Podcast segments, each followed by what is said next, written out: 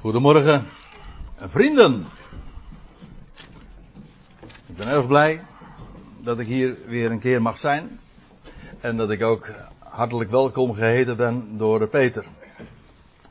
Die toch wel een paar hele heftige weken heeft meegemaakt. Trouwens, jullie hebben wel zulke heftige weken meegemaakt. En des te mooier dat je hier weer uh, in uh, leven, ja precies, in levende lijven dit alles weer kan beleven. Ik wil u vanmorgen eens meenemen naar de Romeinenbrief, Romeinen 4. Uh, ik heb het als titel meegegeven, zoals u dat hier ook kunt zien, een goddelijk maar. En ik ben getriggerd afgelopen week door gesprekken die ik had met iemand die sprak over ja, de, de rijkdom van het woord en hoe, hoeveel voorrechten ons ten deel valt, vallen wanneer je hem mag kennen. En opvallend was toen dat er vervolgens een, een maar klonk. U kent dat wel, hè? We spreken dan over mitsen en maren. Zij had het trouwens later zelf over gemaar en gemier. Want zo werkt het vaak wel. Want ja, dat woord maar, dat is een heel gewoon voegwoord. Er gaan geen, geen vijf zinnen voorbij, stel ik me zo voor. Of je gebruikt het woordje maar wel. Dus het wordt geen tirade tegen het woordje maar. Maar, daar heb je het dus al. Daar zit wel wat, daar zitten wel wat haken en ogen aan, dat woord. We moeten heel goed weten hoe het werkt. Kijk, maar, als je het taalkundig bekijkt, het is een voegwoord, zei ik al. Het geeft altijd aan dat er een wending in de zin komt, in de gedachtegang. En daarbij is het bepalend dat het, de klemtoon altijd komt te liggen op dat wat na het maar volgt. En soms heeft het dan ook in de, in de praktijk de functie van een ontkenning van al het voorgaande. Strikt genomen hoeft dat niet, maar uh, zo werkt het vaak wel. Daarom, het is mij al heel dikwijls gebleken dat als iemand zegt ja, maar, dat je dat met de grootste gemak ook kunt vervangen door nee, want. Probeer het maar eens een keertje uit. En ik was aanvankelijk van plan om een keer een hele lijst van allemaal maars in de schrift op een rijtje te zetten. Maar ik bleef steken bij Romeinen 4. En toen dacht ik van, ja, waarom zou ik dat nu zo'n zo'n uitgebreide studie doen? Laten we gewoon eens ons concreet beperken tot dat gedeelte. Omdat ik daar wel een heel mooi voorbeeld vind van een goddelijk maar. Want je hebt menselijk gemaar, maar je hebt ook goddelijk maar. En daar is heel veel van te leren. En dat wil ik u vanmorgen graag eens uh, onder de aandacht brengen. En ik begin daarbij te lezen vanaf vers 17. Dat betekent dus dat er al een, een, een flink een flink aantal versen aan vooraf gegaan is. Paulus heeft het hier in Romeinen 4 over de figuur van Abraham. Nou, dat bepaalt ons bij het begin van de Bijbel. Nou ja, hij leefde weliswaar 2000 jaar na uh, het eerste mensenpaar hoor. Dus daar zit nog een hele, daar zit nog een heel tijdvak tussen. Maar niet, niet weg. Genesis 12, daar begint de geschiedenis van Abraham. En in Genesis 15 lees je daar die geschiedenis dat, ondanks trouwens het feit dat zijn vrouw Sarah onvruchtbaar was, dat Abraham de belofte krijgt. Dat was trouwens in aanvang, toen hij geroepen werd, toen werd hem al gezegd dat hij, dat in zijn zaad, zo, zo, zo staat het dan heel plechtig, in zijn zaad zouden alle geslachten van de aardbodem gezegend worden. Dat was op voorhand al de belofte waarmee ook trouwens op reis ging en geroepen werd vanuit het Ur der Galdeeën. En toen kwam hij in een land waar hij helemaal niet eens wist uh, dat hij daar terecht zou komen. En dat land werd hem dan ook beloofd. Alles is doortrokken in zijn leven van belofte. God die toezegt aan hem. En op een gegeven ogenblik, en je leest dat in Genesis 15 dan, dat hij geroepen wordt in de nacht en dan, dan dat hij omhoog zou kijken. En nou, dan zie je een geweldige sterrenwereld. En ik heb ooit zelf die ervaring ook wel opgedaan. En wellicht velen van u ook. Dat als je dan in de nacht uh, omhoog kijkt. In het Midden-Oosten. Dan zie je zoveel meer dan dat wij hier uh, in de stad sowieso al. Want daar zie je al, daar, daar wordt alles ja, door kunstlicht nog eens een keertje verduisterd. Leuk hè?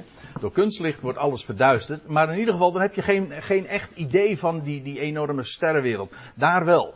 En dan, en dan zegt God tegen hem, die geweldige woorden, zo zal jouw nageslacht zijn. En dan lees je, en Abraham geloofde God. Er staat in het Hebreeuws eigenlijk een woord dat wij wel kennen, een werkwoord. Er staat namelijk, hij beaamde God. Hij zei amen. Dat betekent zo is het. Op wat God sprak. En dan staat er bij, en dat speelt een grote rol later alweer in het Nieuwe Testament. Maar dat staat wel in Genesis 15, dus vers 6. Er staat dan, en Abraham geloofde God, en God rekende het hem toe als gerechtigheid.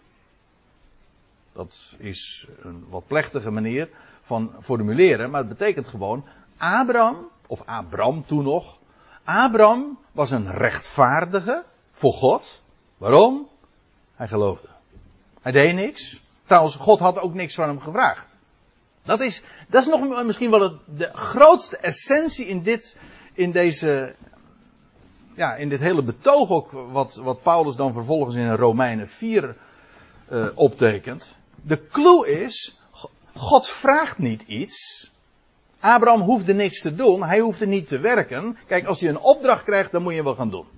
Maar als je een belofte krijgt, hij, hij, gaat, hij, hij wordt geroepen, hij mag omhoog kijken en God zegt, zo zal jouw nageslacht zijn. Ja, wat moet je dan doen?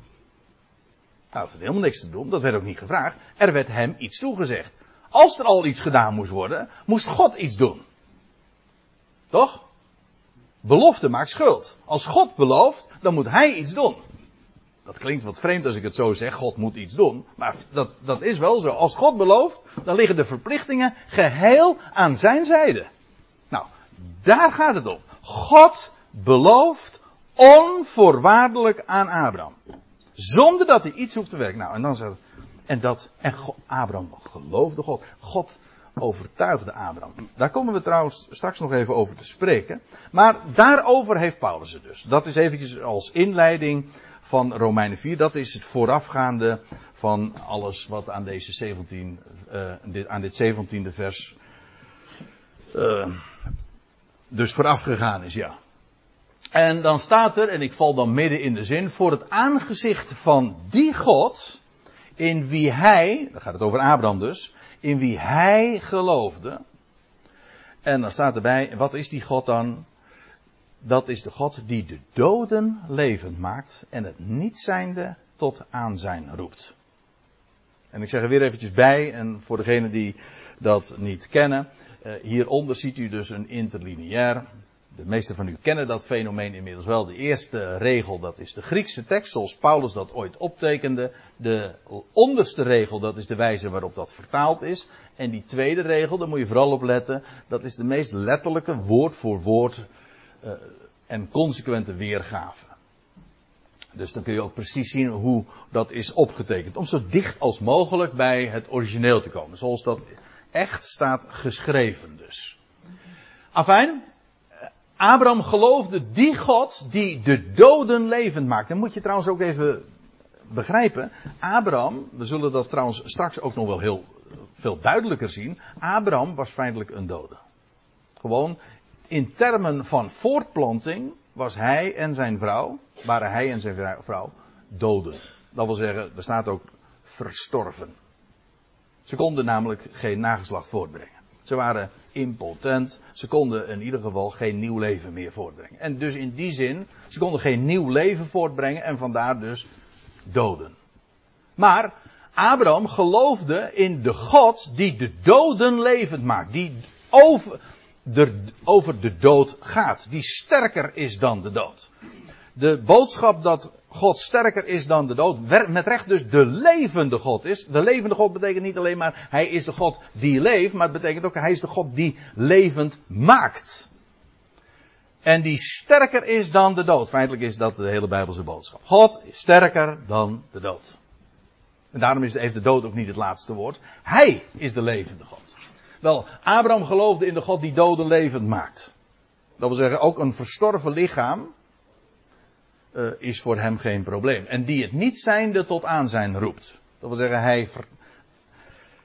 Dat wat er nog niet is, wel, dat roept hij. God zei, er zij licht. En er was licht. Nou, dat is wat we trouwens hier ook zullen zien, want nou lees je even door. En hij, gaat het over Abraham nog steeds, hij heeft tegen hoop op hoop geloofd. Dat wil zeggen, tegen alle menselijke verwachting in. En je, je moet eigenlijk ook nog, uh, dan nog iets weten over de geschiedenis. Want Abraham was dus die belofte gedaan. En in, dan lees je in eerste instantie nog. Dat als die belofte er niet uitkomt. Dat Abraham denkt van nou, dan zal dat wel betekenen dat ik uh, een andere vrouw heb te nemen. En toen, uh, dan lees je dat hij zijn slavin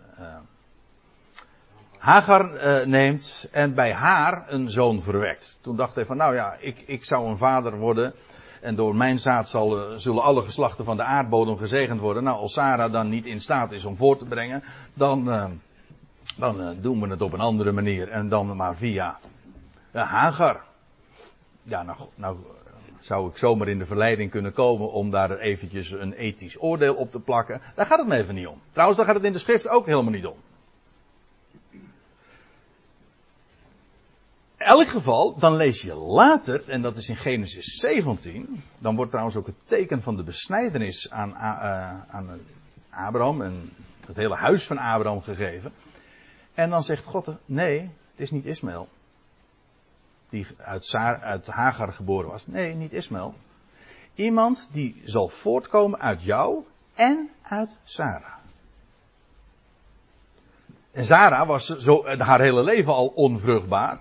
En nu was ze bovendien nog eens een keer een hele oude vrouw ook. En het ging haar niet meer naar de wijze der vrouwen. Zo staat dat dan. Dat was zeggen, ze menstrueerde niet meer. Ze was al ver over, nou ik wou zeggen de datum, maar nee, over de leeftijd daarvoor. Moet wel eerbiedig blijven natuurlijk. Maar, nou ja, hoe dan ook. Tegen alle menselijke verwachting in. Hoop, eh, tegen hoop op hoop heeft hij geloofd. Oké, hij is later, dus ook na die hele affaire met Hagar en Ismaël, is hij gecorrigeerd. En dan lees je, trouwens het is opmerkelijk, daar wordt in de Bijbel verder nooit meer aan gerefereerd. Als in het Nieuw Testament gesproken wordt over gelovigen, dan wordt er nooit meer gesproken over, over wat ze hebben misdaan. Of, nee, daar gaat het niet om. En in die, die geschiedenis dan lees je dat hij een vader van vele volkeren zou worden. Hij heette eerst Abram. En toen kreeg hij een, een H, een, een Hebreeuwse letter aan zijn naam toegevoegd. Een venster, eigenlijk is dat. Ook het getal 5.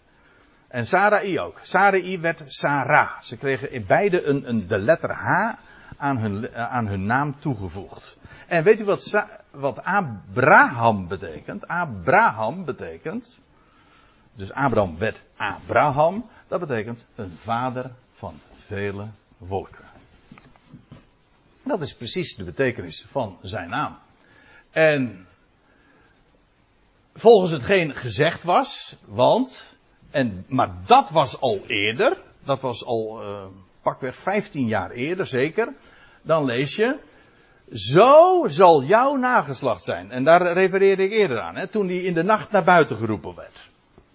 En gewezen werd op die sterrenhemel, zo zal jouw nageslacht zijn. En er was nog geen enkele aanwijzing daarvoor. Zo zal het zaad van jou zijn als de sterren des hemels. En dan lees je, en zonder te verflauwen in het geloof, letterlijk, en toch niet zwak zijnde in het geloof. En hoewel niet zwak zijnde in het geloof, en nou komt het. Eh, eigenlijk ook heel dicht bij dat onderwerp waar ik u vooral even eh, de aandacht voor wil vragen.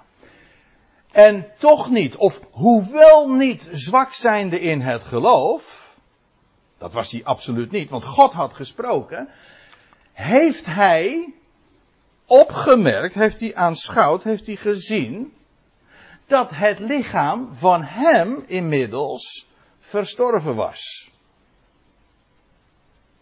Dat wil zeggen, niet meer in staat om voort te planten.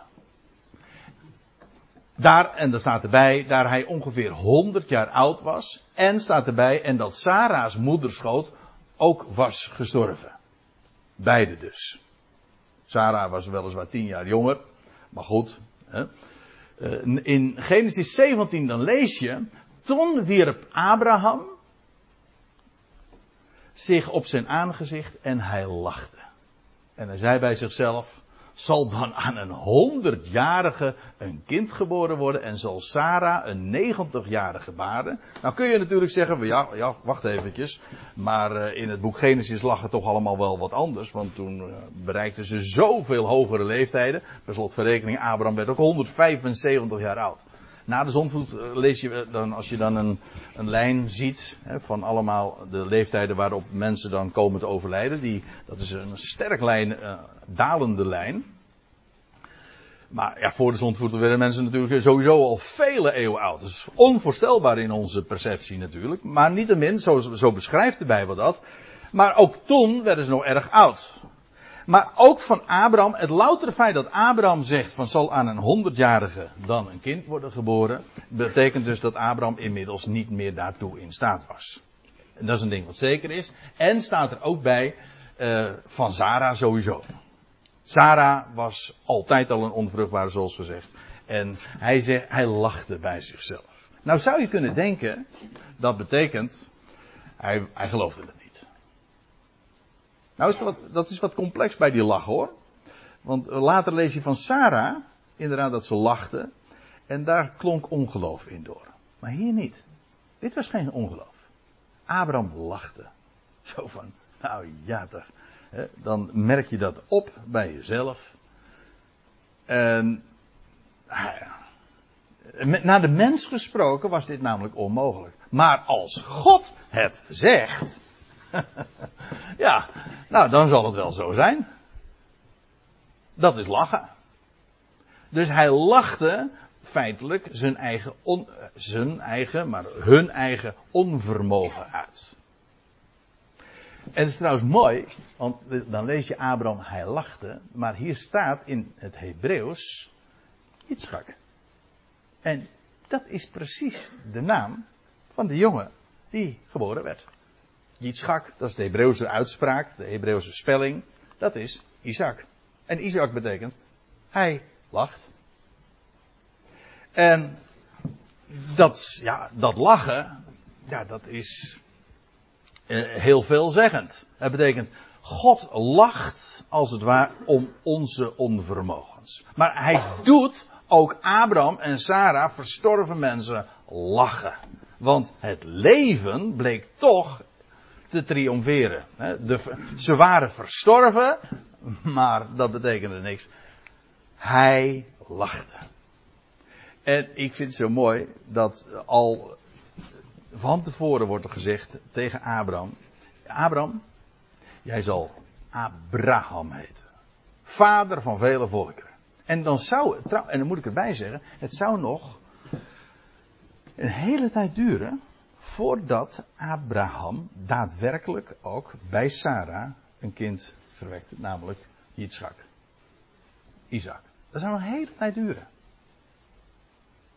Dat betekent dus dat Abraham al Abraham heette, terwijl hij nog bij lange na geen vader werd, namelijk van Isaac.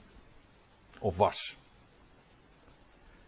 Als Sarah dus Abraham riep voor de maaltijd, dan zei ze: Vader van vele volkeren, dat is van het Hebreeuws, hè?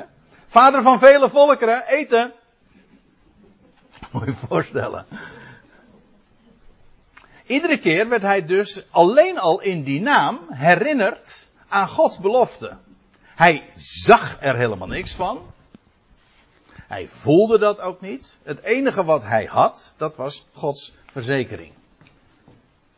En kijk, maar aan de belofte Gods heeft hij niet getwijfeld. Ik lees nog eventjes terug. Uh, en hoewel niet, niet zwak zijnde in het geloof, heeft hij opgemerkt dat zijn eigen lichaam verstorven was, daar hij ongeveer 100 jaar oud was. Dat Sarah's moederschoot was gestorven, dat wil zeggen, ja, uh, als hij naar een uh, bioloog was gegaan, of een medicus, die had gezegd van, uh, wetenschappelijk gezien, beste meneer Abraham, gaat u uw naam never nooit waarmaken. En als Sarai naar de gynaecoloog was gegaan, dan had ze eenzelfde boodschap gekregen. Kortom, gewoon alle medische kennis, alle wetenschappelijke kennis, alles wat er aan bezwaren in te brengen was, dat pleitte tegen alles wat, wat Abraham van God vernomen had. Maar staat er dan, aan de belofte Gods heeft hij niet getwijfeld door ongeloof. En, ook, en dit is nou dat goddelijke maar. Dat goddelijke maar wilde niet zeggen dat Abraham zijn kop in het zand stak en niet de menselijke bezwaren kende. Dat is het niet. Kijk. Daar was het menselijk gevoel. Gewoon gevoelsmatig uh, zullen zowel Abraham als Sarai toch vaak bij zichzelf ook te raden gegaan en gedacht hebben van hoe is het mogelijk? Of uh, de menselijke waarneming, of de menselijke conclusies, de menselijke wetenschap. Al die bezwaren waren er. Hij en Abraham heeft dat gewoon ook opgemerkt dus. Maar aan de belofte van God. Ziet u? Aan de belofte van de God. Mooi. Weer een bepaalde lidwoord. De God. Wel, God is degene die alles beschikt. En hij spreekt en hij zegt, jij Abraham, jij honderdjarige, impotente man, echtgenoot van een vrouw die altijd al onvruchtbaar is en nu 90 jaar is, jullie zullen ouders worden van een kind en jullie zullen inderdaad zoveel zaad zien, dat wil zeggen zoveel nageslacht zien als de sterren des hemels. En de mens mag dan zeggen van, dat kan helemaal niet bezwaren plenty. Ze waren er genoeg. Van alle kanten, hè. Menselijk gevoel pleit tegen. En sommige mensen denken dat. Ik, ik refereerde zojuist aan het begin even aan dat gesprek dat ik van de week had. Gevoel is een heel uh, lastig ding. Daar hebben we allemaal mee te maken. En de een is daar misschien sterker gevoelig voor uh, dan de ander. Het hangt er een beetje van af. Andere mensen als je niet zo gevoelsmatig bent ingesteld, dan heb je juist vaak weer de gevaren van, van, van rationalisme, dat, je, dat de reden vaak dan gaat overwoekeren. Maar goed, mensen, mensen zeggen vandaag, en dat, ik denk dat dat ook erg in de lucht hangt, je moet doen wat je voelt en, en wat je in, al die ingevingen van een mens, het gevoel is zo belangrijk. En dan kun je zeggen, ja, dat, die Bijbel is wel rijk, maar mijn, ik voel er helemaal niks van. En mensen denken dan dat als ze zo'n bezwaar uit, oh, dan is er toch echt wat mis. Herkent u wat ik nu zeg? God heeft gesproken, maar ik voel het niet. Nee. En? Valt er wat te voelen dan? Nou ja, natuurlijk. Kijk, Abraham heeft ook uh, heel wat uh, daarna ook nog weer meegemaakt. Maar gevoelens, die gaan zo, zo. Daar kun je geen pijl op trekken. Zo werkt het toch? Dat is ook wat eigen, wat, wat gevoel, eigen is aan gevoelens. Ik vind het altijd mooi dat het Engelse woord uh, emotion, of eigenlijk ons woord emotie, dat komt van het e-, Engelse, of is in ieder geval verwant aan het Engelse woord voor motion. En dat betekent beweging gemoedsbewegingen. Het gaat allemaal als de golven van de zee. Daar kun je nooit van op aan. Gevoelens zeggen niks. Het is maar één ding dat hier in dit voorbeeld telde. En daarom is Abraham dat voorbeeld van geloof. God heeft gesproken. En dat was volstrekt onmiskenbaar voor Abraham. En wij, voor ons is het niet anders. Er staat geschreven. En al deze bezwaren mogen dan tot je dienst zijn. Maar aan de belofte van God heeft hij niet getwijfeld. Kijk, de belofte van God had het laatste woord. En dat moet je goed realiseren als je het woordje maar gebruikt. De nadruk en het accent ligt altijd op wat na maar volgt. En dat, dat is heel subtiel. Als mensen zeggen van, ja, het woord is rijk, maar, ja, ik voel er helemaal niks van. Keer het eens een keer om. Ik voel er helemaal niks van. Maar het woord is rijk. Qua informatie zeg je exact hetzelfde. Maar het is met recht de toon die de muziek maakt. Het een legt, verlegt de focus naar de mens. Ik voel er niks van. Het ander erkent dat wel, maar Gods woord, dat is bepalend. Kijk, en dat is het maar in Abrahams leven. Natuurlijk, die bezwaren zijn er. Honoreer ze. Maar God heeft het laatste woord. En dat geldt zo dikwijls. Als je juist dat woordje maar hoort. Wees op je hoede. Dan moeten de waarschuwingslampjes gaan branden. Want hoe, wat gaat nu de nadruk krijgen? De mens? Het onvermogen van de mens? Of dat wat God wel bij macht is te doen? Maar aan de belofte van God heeft Abraham, hoewel hij inderdaad de bezwaren zag, hoewel hij zag in zijn eigen lichaam het kan niet, hoewel hij zag bij Sarah het kan evenmin van haar kant, dat heeft hij allemaal overwogen. Maar aan de belofte van God heeft hij niet getwijfeld. Er staat letterlijk, hij, er werd niet getwijfeld in het ongeloof. Dat is mooi, dat woord twijfel, daar zit het woordje, dat is trouwens weer Duits, daar zit het woordje zwei in. Verdeeldheid. Iemand die twijfelt, die hinkt op twee gedachten. Soms nog meer. Maar in ieder geval, dan heb je het element. God heeft, kijk dit. God heeft gesproken, maar. Of, dat je zegt, ja, er zijn allemaal bezwaren tot je dienst, maar God heeft dit gezegd. Dat heeft het laatste woord. Dat is geen twijfel, dat is geloof. En zo was het bij Abraham. Er werd niet getwijfeld in ongeloof. Dat wat God gesproken heeft en had, dat, dat kreeg het, uh, had het laatste woord bij Abraham. Maar hij werd versterkt in zijn geloof. Er staat, hij werd bij machten gemaakt in geloof. Ik dacht vroeger altijd, toen ik dit las, van hij werd versterkt in zijn geloof. Dat wil zeggen, hij kreeg een steeds sterker geloof. Nee, er staat uiteindelijk dit, hij werd bij machten gemaakt in het geloof. Abraham geloofde God. God had gezegd, door jou en Sarah zal er nieuw leven voortgebracht worden. En de naam was al gezegd. Was feitelijk al gezegd, namelijk Yitzchak. Hij zal lachen. Lachen.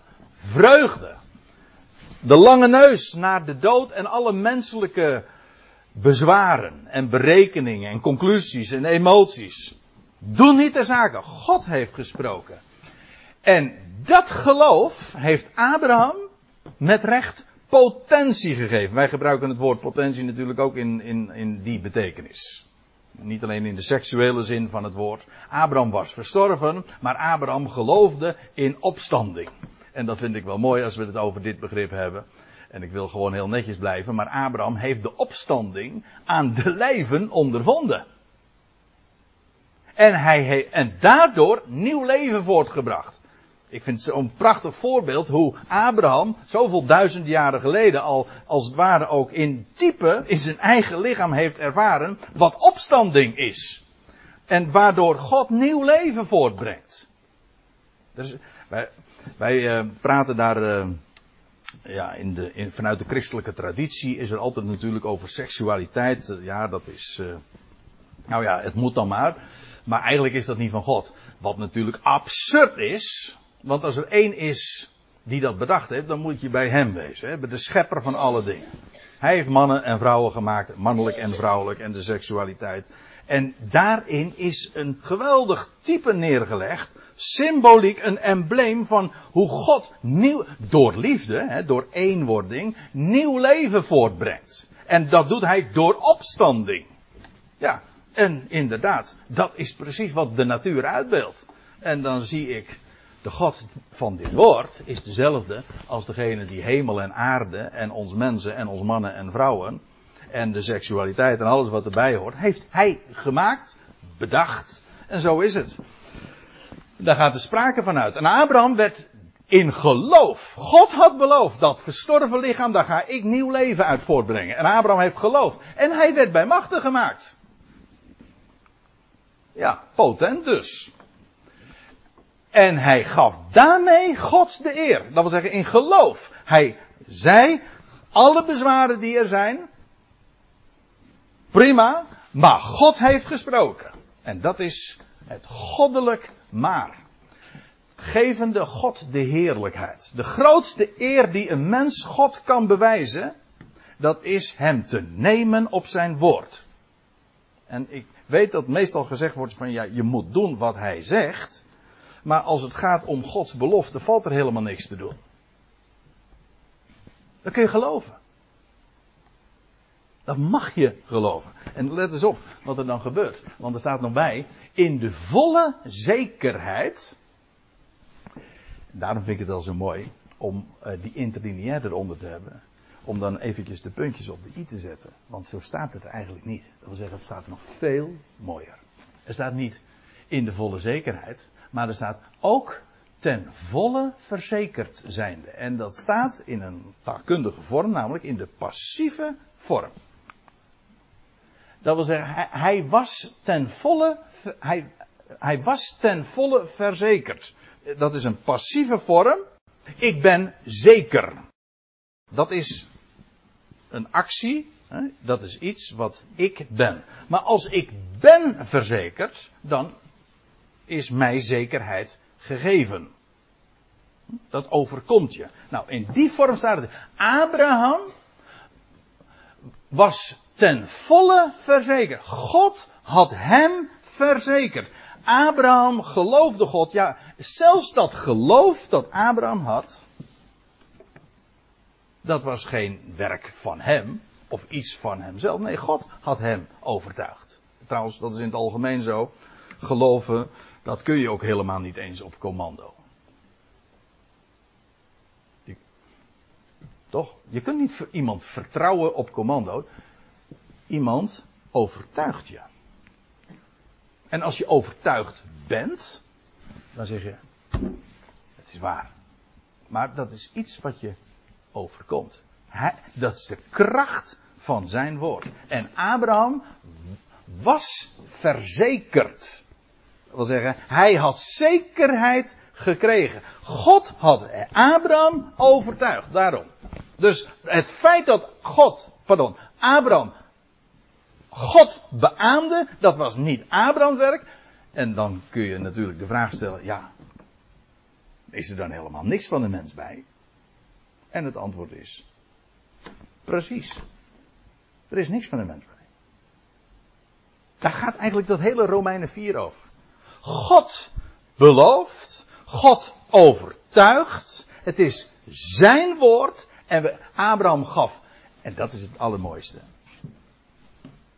Dat betekent dus ook dat God alle eer krijgt. Want als de mens iets doet, ja, dan is er dus ook nog wat van onze kant eer in te leggen. Maar dat is er niet. Alle roem, hè, zeggen we, zingen we dan, dat, maar dat is vroom, hè, vaak, omdat we het niet echt geloven. Dan zeggen we, ja, de, alle roem is uitgesloten, maar. Nou, dan weet je het alweer. Oh, we geloven niet echt. Nee, alle roem is uitgesloten.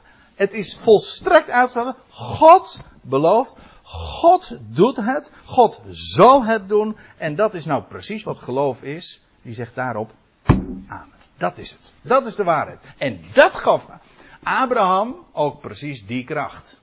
Abraham was verzekerd. Abrahams geloof was Gods werk. Ten volle verzekerd zijnde dat hij, God, bij machten was, hetgeen hij beloofd had, ook te volbrengen. Dat is toch mooi? Een God te kennen, die werkelijk God is, en dat wat hij belooft ook niet alleen maar de intentie heeft om dat te doen, maar dan weer afhankelijk is van allerlei factoren. U weet het wel, zoals dat in de politiek gaat. Hè, een, uh, bij verkiezingen, bij presidentsverkiezingen, er worden dan beloften gedaan. Maar ja, die beloften kunnen ze niet waarmaken. Waarom? Omdat er zoveel andere factoren zijn die uh, zo'n machtige president dan uh, het onmogelijk maken om, om dat te doen wat ze ooit gesproken hebben. Dan zouden ze dus ook niet moeten beloven. Maar dat is het probleem met menselijke beloftes. Je, je, je doet een belofte of een gelofte, maar je bent niet in staat dat gestand te doen. Al was het maar, ook al, zelfs al is je intentie goed, er zijn, kunnen altijd factoren zijn waardoor je het gewoon niet waar kunt maken. Als ik zeg, ik beloof dat ik morgen jou uh, eh, 500 euro kom brengen. Dan kan mijn intentie goed zijn.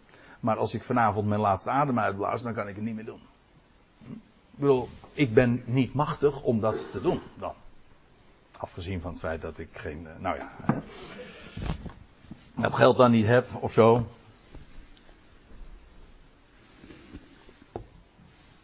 Dat is de menselijke onmacht, maar hij is God.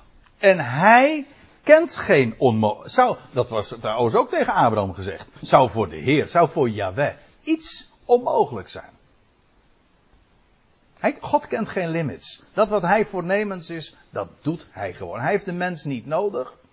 Dat dacht Abraham ooit hè, ook. Van, nou ja, ik moet God nu een handje helpen, want uh, doen we het maar zo. Nee, ja, dat bleek een misverstand te zijn. Abraham werd daarin gecorrigeerd. Dat en, maar Abraham werd verzekerd, ten volle verzekerd, dat hij, God, bij machten was hetgeen hij beloofd had, ook te volbrengen. En dan staat er, daarom ook werd het hem gerekend tot gerechtigheid. Dat wil zeggen, daarom was Abraham ook voor God een rechtvaardige. Dat betekent niet dat gerekend tot rechtvaardigheid betekent niet dat er iets overgeboekt werd op zijn rekening of zo, iets administratief. Nee, Abraham was een rechtvaardige. Weet je waarom? Omdat God, of pardon, omdat Abraham God werkelijk de eer gaf. Hij doet het. Hij doet alles. En dat, dan ben je in de rechte verhouding tot God. Dan ben je een rechtvaardige. Je, geeft, je vertrouwt hem. Gewoon restloos. Heer, u bent goed en u bent in staat om uw woord maar te maken. Dat is, dat is dus maar niet een, een, een rijtje dogma's onderschrijven. Ik denk dat heel veel geloof, wat voor geloof doorgaat, helemaal geen geloof is. Maar juist vaak zelfs het wantrouwen van God. Mensen worden dan opgeroepen in evangelisatiebijeenkomsten om een keuze te maken. En waarom? Ja, nou ja, om een, eigenlijk een, een eigen een verzekering daarmee te sluiten voor een eigen toekomst. Want ja, anders loopt het niet goed met je af en dan eindig je in hel en verdoemenis. Is dat vertrouwen? Of, als het mij vraagt, is het het tegenovergestelde. Het is het wantrouwen van God. Je, je maakt een keuze, niet om, vanuit het wantrouwen van God, die God kan ik niet vertrouwen. Hij, zijn eigen schepselen, hij maakt niet alle dingen wel, hij laat varen de werken van zijn handen. Ik ben wel een schepsel van hem, maar uiteindelijk loopt het helemaal slecht van me af. En daarom moet ik maar gaan geloven. Maar dat is geen geloof. Dat is geen geloof. Geloof wil zeggen, God, u bent te vertrouwen. Ik ben werk van uw handen. Dat laat u niet los. U hebt mij lief. Restloos. Zonder enige prijs en zonder enige voorwaarden. Ik kan daar niks aan afdoen. Ik kan daar niks aan toedoen. Dat is een feit. Kijk, dat is vertrouwen. U bent werkelijk te vertrouwen. Dat is geloof. En, en dat is wat God ook rekent tot rechtvaardigheid. Dat geeft hem de eer. En er staat er nog bij van, mocht je denken van ja, dat is alleen maar een geschiedenis, dat ging over Abraham 4000 jaar geleden. Nee, dus zegt Paulus echter niet om zijn wil alleen werd geschreven, het werd hem toegerekend. Maar ook om ons het wil, wie het zal worden toegerekend. Ons, die ons geloof vestigen op hem. Op hem, dat wil zeggen God. Die Jezus, onze Heer, uit de doden opgewekt heeft. Met andere woorden, het was ooit Abraham die God geloofde. Die de, God namelijk die de doden levend maakt. Wel, is het voor ons vandaag anders? Wij geloven toch ook. Wij geloven in God. Die de doden levend maakt. 2000 jaar geleden werd het graf van Jezus Christus. De beloofde Messias. Het zaad van Abraham. Werd uit de doden opgewekt. Hem. Op, die Jezus onze Heer uit de doden opgewekt heeft. Hij lag daar drie dagen dood en God heeft hem opgewekt. Dus dat is dezelfde God. Het, dat is trouwens ook het staat van Abraham. Dat geloof van Abraham was dus feitelijk exact hetzelfde als, als het geloof wat Paulus predikte. We geloven in die God die de doden levend maakt. En de eersteling, want dat is Christus Jezus, is inmiddels levend gemaakt. Dat is trouwens ook de garantie dat de dood volledig overwonnen en teniet gedaan wordt. Maar die God, die geloven wij. En zonder mitsen en maren. Amen.